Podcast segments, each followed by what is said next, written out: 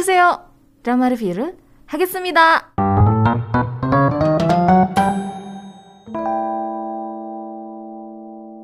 Drama yang mau aku bahas judulnya Island. Jadi salah satu drama yang bikin para pecinta drama Korea penasaran setengah mati. Asli, karena plot twistnya baru dikeluarin di belakang. Terus kayak masih harus nunggu beberapa bulan lagi. ya, belakangan tren drama Korea kayaknya emang lagi kayak gitu ya. Kebagi jadi dua part. Kayak misalnya drama The Glory kan ya, yang dari Netflix tuh itu juga sama kan kebagi jadi dua part. Dan kita harus nunggu beberapa bulan gitu untuk season yang keduanya. Atau part yang kedua sih lebih tepatnya bukan season yang kedua ya part yang kedua. Drama Island ini juga salah satunya gitu. Cuman drama Island memang lebih cepet sih daripada The Glory. Island kan keluar di part yang kedua itu di bulan Februari. Sementara untuk The Glory masih di bulan Maret beda dikit sih Oke, okay, drama Island ini mengangkat cerita tentang legenda iblis jahat yang penuh nafsu Iblis jahat ini dikurung di Pulau Jeju yang dulunya tuh dikenal dengan nama Tamra. Nah, drama Island ini jadi debut sutradara Park Kwang Hyun mendirect drama karena sebelumnya dia itu jadi director sekaligus penulis untuk movie-movie. Um, movie-nya ada apa aja? Yang pertama, Fabricated City. Ini satu movie yang seru banget. Diperanin sama Ji Chang Wook yang tentang game gitu loh. Ya, terus ada satu lagi tuh Welcome to Dong Makdong, tapi ini aku nggak pernah nonton dan udah lama banget sih sebenarnya movie-nya. Jadi aku nggak tahu. Terus Pak Kwang Hyun juga uh, memulai karirnya sebagai sutradara di tahun 2002 dengan film No Comment. Ini juga sama aku nggak nonton. Jadi ya nggak bisa aku ceritain gimana. Drama ini diadaptasi dari webcomic yang judulnya juga sama dan sekarang kalau misalnya kamu pengen baca, tersedia juga di aplikasi Webtoon, tapi baru sampai episode yang awal-awal gitu. Karena biasanya seperti itu ya, kalau drama Korea yang diadaptasi dari Webtoon, Webtoonnya dikeluarin di sini gitu ya, di aplikasi Webtoon, dan biasanya tuh nggak akan mendahului dramanya gitu. Biar kita para penonton drama juga penasaran. Untuk webkomiknya ini ditulis sama Yun In Hwan sama Yang Kyung Il yang juga nulis dramanya bareng sama Jang Yun Mi. Nah karena dramanya nyeritain tentang iblis jahat yang disegel dengan pemeran perempuan sebagai pusat ceritanya, pas nonton tuh aku langsung keingetan sama satu drama Korea juga yang mirip-mirip kayak gini gitu, yaitu drama Hwayugi atau Korean Odyssey yang diperanin sama Iseng Gi gitu. Jadi aku ngerasa kayak agak mirip-mirip gitu. Cuman kan kalau misalnya Korean Odyssey memang nyeritainnya tuh tentang Sun Gokong versi Korea lah gitu ya tapi nggak ngambil kitab suci ke barat. Jadi memang di Hwayuki ini jadi ceritain karakter-karakternya tuh mirip kayak karakter-karakter yang ada di Sun Gokong. Cuman um, mereka tuh membasmi roh-roh jahat. Nah sementara Island ini juga sama kayak membasmi iblis-iblis jahat juga gitu dengan karakter utamanya tuh perempuan gitu. Nah, di awal drama Island ini dikasih prolog yang cukup menarik sebenarnya. Aku bacain ya. Jadi gini bunyinya. Sempat ada masa ketika seluruh makhluk hidup rukun di sebuah pulau Tamra.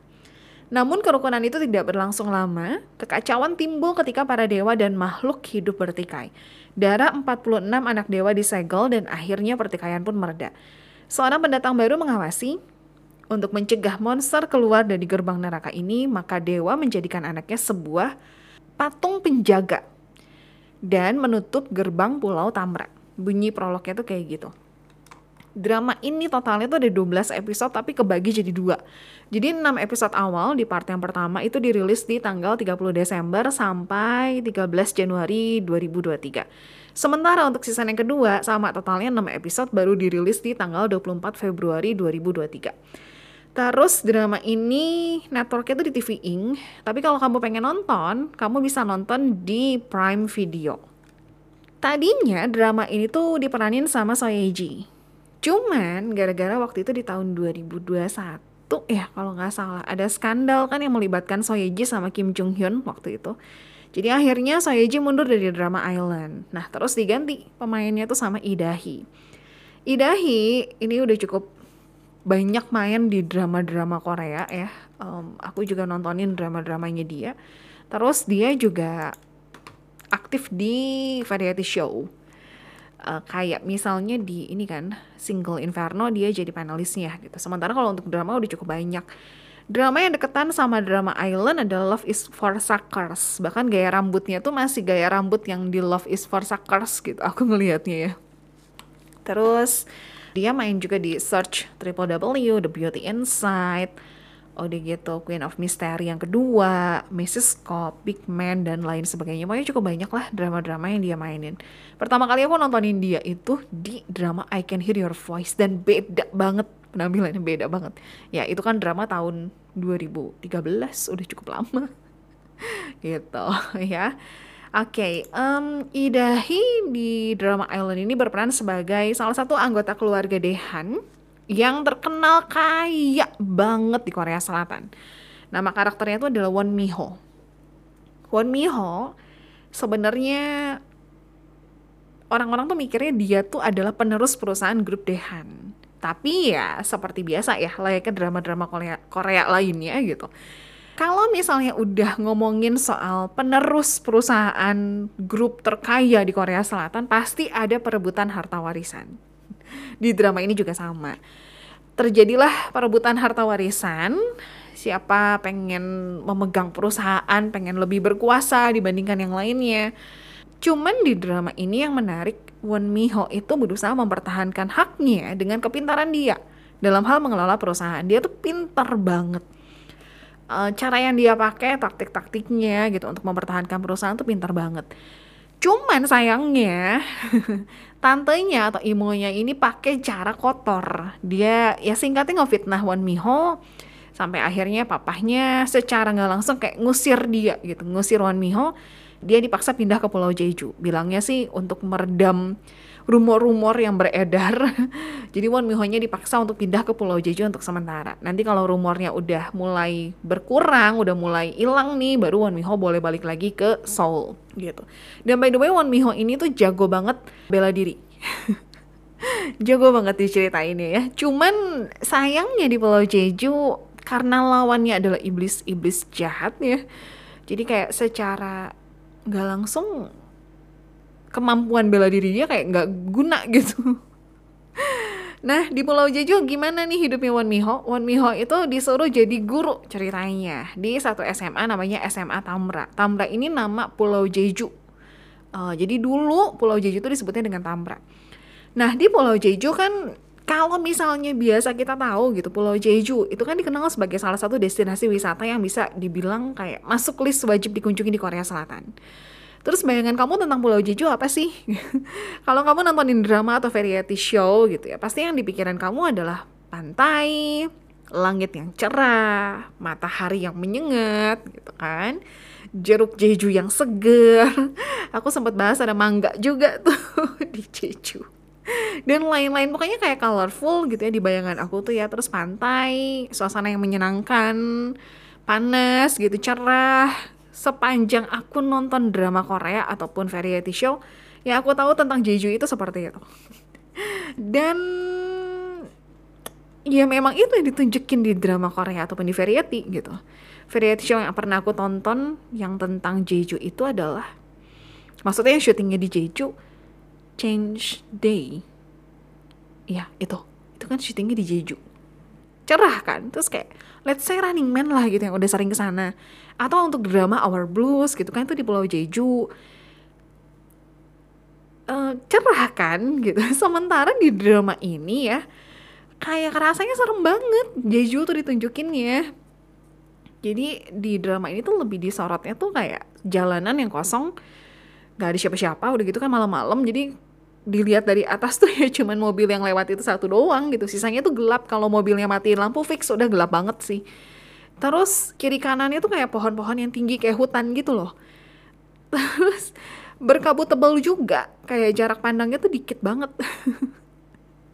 Ya kurang lebih seperti itu latar dari drama ini. Nah semenjak pindah ke Pulau Jeju ada banyak banget kejadian-kejadian aneh yang bikin Won Miho tuh ketakutan baru nyampe aja di Pulau Jeju. Baru nyampe loh. Baru baru keluar dari bandara. Dia udah ketemu sama makhluk menyeramkan yang ngejar-ngejar dia. Serem banget makhluknya tuh. Cuman uh, apa ya? Ya bingung aja gitu dia tuh ada apa sih gitu di Pulau Jeju kok. Baru juga nyampe udah dapetin hal yang aneh banget. Dan gak cuma sekali berkali-kali. Bahkan Won Miho juga nyaris mati gitu gara-gara hal itu. Nah untungnya Won Miho ini ditolong sama seorang laki-laki misterius siapa dia nanti dibahas ya jadi sebenarnya apa sih yang terjadi kalau Won Miho bisa dikejar-kejar kayak gitu? Aku coba jelasin. Jadi Won Miho itu nggak tahu sebenarnya kalau ternyata kepindahannya ke Pulau Jeju itu adalah sebuah takdir yang memang harus dia lakukan. Jadi Won Miho adalah reinkarnasi dari Won Jong. Won Jong ini adalah seseorang yang di masa lalu ada di Pulau Jeju dia orang yang bisa memperbaiki batu perisai dan Wonjong ini memiliki kemampuan khusus untuk membasmi iblis nafsu. Iblis nafsu ini adalah makhluk-makhluk yang ngejar-ngejar Won Miho baru juga dia nyampe ke Jeju dikejar-kejar tuh sama iblis nafsu ini gitu. Nah kehadiran Won Miho atau Won Jong di Pulau Jeju ini bikin para iblis jahat yang tadinya tersegel dengan baik malah jadi ngejar Miho semuanya gitu. Dan di drama ini tuh memang diceritain kalau Jeju adalah salah satu wilayah yang dikhususkan untuk tempat penyegelan para iblis. Ini fiktif ya guys, jangan sampai sesudah nonton drama ini kalian jadi nggak mau holiday ke Jeju ya, nggak ini fiktif. Nah, Won Miho sama sekali nggak tahu tentang masa lalunya dia, ingat pun enggak gitu. Makanya dia bingung banget sampai di Jeju kok kayak gini ya, ini Jeju kenapa jadi kayak gini, bahkan mau balik ke Seoul aja itu dia nggak bisa gitu. Nah terus siapa dong laki-laki yang nolongin dia? Namanya Fan. Diperanin sama Kim Nam Gil. Kim Nam Gil juga udah cukup banyak main di drama-drama ya. Um, aku nontonin drama apa ya? Kalau untuk movie dia ada di Emergency Declaration itu seru banget movie-nya. Terus dia ada juga di kalau untuk drama dia Through the Darkness ini tapi aku belum beres nonton. Pengen beresin tapi aku lupa terus. Padahal itu seru banget loh. Through the Darkness yang nyeritain tentang profiler kan. Terus dia main di dramanya dia nggak ada yang pernah aku tontonin dong. Um, ya dia ada di Live Up to Your Name. Cuman ini juga aku nggak beres nontonnya cuma nonton depan doang. Bad Guy dia main di situ juga. Terus series School yang pertama dia main di situ dan masih banyak lagi sih. Cuman aku nggak nggak nontonin bener. Aku nggak nontonin sama sekali. nggak ada yang beres sampai selesai gitu. Through the Darkness mungkin nanti ya soon. um, di project terbarunya sendiri ya selain Island tuh sebenarnya ada satu lagi judulnya tuh Bandit The Sound of the Nymph tapi ini masih TBA sih masih belum tahu kapan keluarnya ya itu untuk Kim Nam Gil Ya, karakternya tuh namanya Van. Karakternya ini adalah setengah manusia, setengah iblis. Sekalian dibahas ya sama satu karakter villainnya. Namanya tuh Gung Tan, diperanin sama Sung Jun. Udah lama banget nggak lihat Sung Jun main drama atau movie by the way. Terakhir itu aku nontonin dia di Madame Antoine, The Love Therapist. Tapi ini pun aku nontonnya nggak sampai beres. Berarti yang sampai beres tuh Hi Jekyll Me tahun 2015. Terus dia ada di Discovery of Love, ini satu drama yang bagus juga tuh. Terus ada I Need of Romance. Terus selain Island sebenarnya ada satu lagi project dia yaitu Call It Love dari Disney Plus yang diperanin sama ini Kim Yong Kwang sama Lee Sung Kyung. Gitu. Itu untuk Song Jun. Ya aku udah lama banget dia tuh kan salah satu ini ya Avengers model. Oke, okay, balik lagi ke drama Island. Jadi seperti apa sih asal usul Fan sama Gung Tan ini? Di zaman dahulu kala, Fan sama Gung Tan itu adalah dua anak kecil yang berhasil selamat dari pembantaian iblis nafsu. Jadi pada saat itu diceritain kalau iblis nafsu memporak-porandakan sekaligus menghabisi seluruh warga desa. Cuman ada beberapa anak-anak aja yang selamat gitu. Anak-anak yang selamat ini terus dikumpulin ceritanya. Terus ya agak sedikit random sih. E, mereka tuh disuntikin darah iblis nafsunya dan hampir semua anak tuh nggak bertahan. Diceritain cuman ada dua anak aja yang tetap hidup. Ya itu ya Van sama Kung Tan gitu. Itulah kenapa mereka berdua tuh setengah manusia dan setengah iblis. Nah, mereka berdua tuh punya misi untuk ngebunuh semua iblis nafsu dan menyegel para iblis kembali gitu. Mereka dapetin tugas itu karena kan mereka yang berhasil selamat kan. Jadi bisa di satu waktu mereka tuh kehilangan kendali Karena kan mereka setengah manusia, setengah iblis. Gitu. Nah, waktu mereka berdua lagi dikurung, Won Jong datang ceritanya. Ada satu anak perempuan yang bingung gitu kenapa kok ada anak yang dikurung. Ditolongin sama Won Jong. Mereka berdua tuh dibantuin kabur. Cuma terjadi sesuatu hal, aku nggak mau spill, pokoknya something happen dan by the end mereka bertiga akhirnya balik lagi nggak jadi kabur karena sesuatu terjadi. Nah alasan kenapa Van dan Gung Tan sekarang jadi musuhan itu adalah karena Won Miho atau Won Jong. Gung Tan tahu kalau Won Miho ini punya kekuatan yang menarik semua iblis nafsu, makanya dia pengen ngebunuh Won Miho supaya kehidupan di Jeju itu bisa damai lagi. Sementara Van nggak tega, Van nggak mau ngorbanin Won Miho dan dia justru malah pengen nyelamatin Miho sambil nangkepin iblis nafsu gitu. Cuman ini masih spekulasi ya, karena after aku nonton sampai season yang pertama beres, aku masih nggak tahu sih reasonnya. Belum ketahuan gitu, cuman spekulasi aja.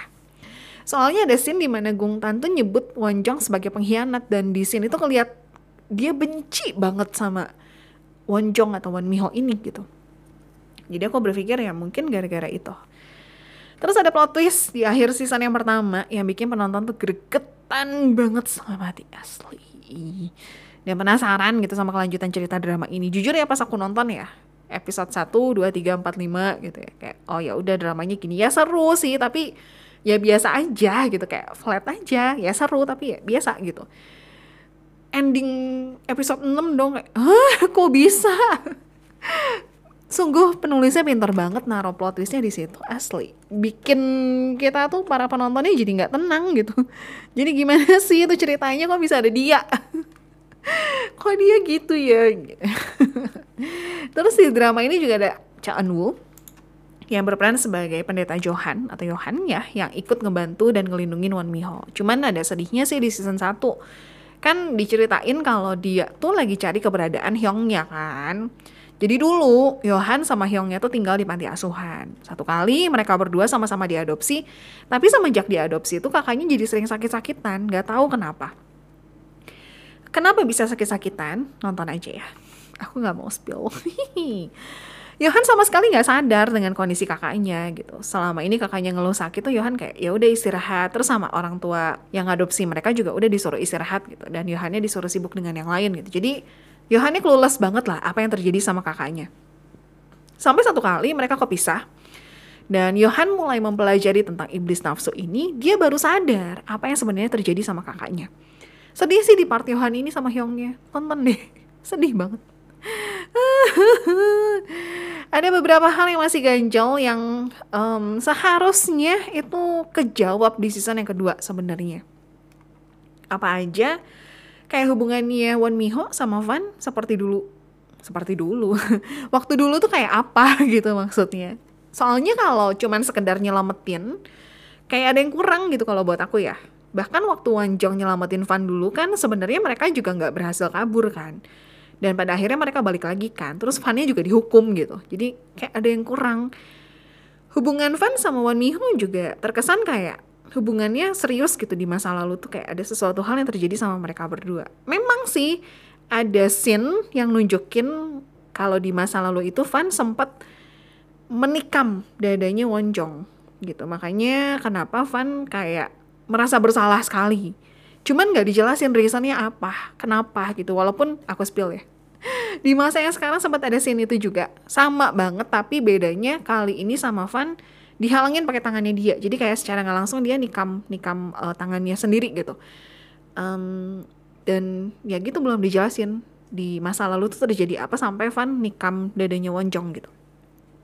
Terus uh, Won Jong kan digambarin sebagai tokoh yang bisa mengurung para iblis nafsu gitu. Cuman memang di season 1 ini Won Miho tuh masih belum tahu kekuatannya tuh kayak gimana. Scene dia coba cari tahu masa lalunya aja tuh baru keluar di season 1 di akhir-akhir episode 5 atau 6 gitu. Terus kan diceritain juga tuh kalau misalnya dulu di Pulau Jeju tuh ada batu perisai yang ngelindungin pulau itu dari para iblis nafsu. Cuman sayangnya perisainya tuh ancur dan katanya cuma Wan Miho aja yang bisa menyatukan kembali batu perisai itu gitu. Cuman ya masih belum diceritain gimana. Nah sejujurnya ya, aku tuh masih kebayang-bayang sama drama Alchemy of Souls. Jadi kayak ketuker gitu. Terus jadi agak sedikit kepikiran juga sebenarnya apakah jangan-jangan ya Ya ini sih uh, spekulasi aku ya. Apakah jangan-jangan by the end Won Miho harus ditumbalin ya? Mengingat dari drama-drama yang punya alur cerita mirip-mirip gitu kayak Korean Odyssey. By the end kan pemeran utama perempuannya harus dikorbanin kan gitu. Jadi aku kayak ngerasa jangan-jangan nih um, drama Island ini juga by the end ya Won Miho-nya dikorbanin gitu. Ya, begitulah dramanya. So far sih aku ngerasa dramanya oke, okay. nggak nggak yang boring gimana. Ya ada beberapa part yang boring tapi tetap oke okay, gitu. Sinematografinya bagus banget. Terus Cha Eun ganteng. Gak tau kenapa aku ngerasa di drama ini dia jauh lebih ganteng daripada drama-drama sebelumnya. Terus kalau misalnya kamu mau nonton part yang kedua udah pasti kamu harus nonton dari part yang pertama. Mungkin bisa dibilang kayak part yang pertama tuh buat kenalin karakter dan inti masalahnya part yang kedua baru penyelesaiannya kali ya gitu. Mungkin seperti itu. Ya kurang lebih seperti itulah dramanya. Bisa ditonton di Prime Video.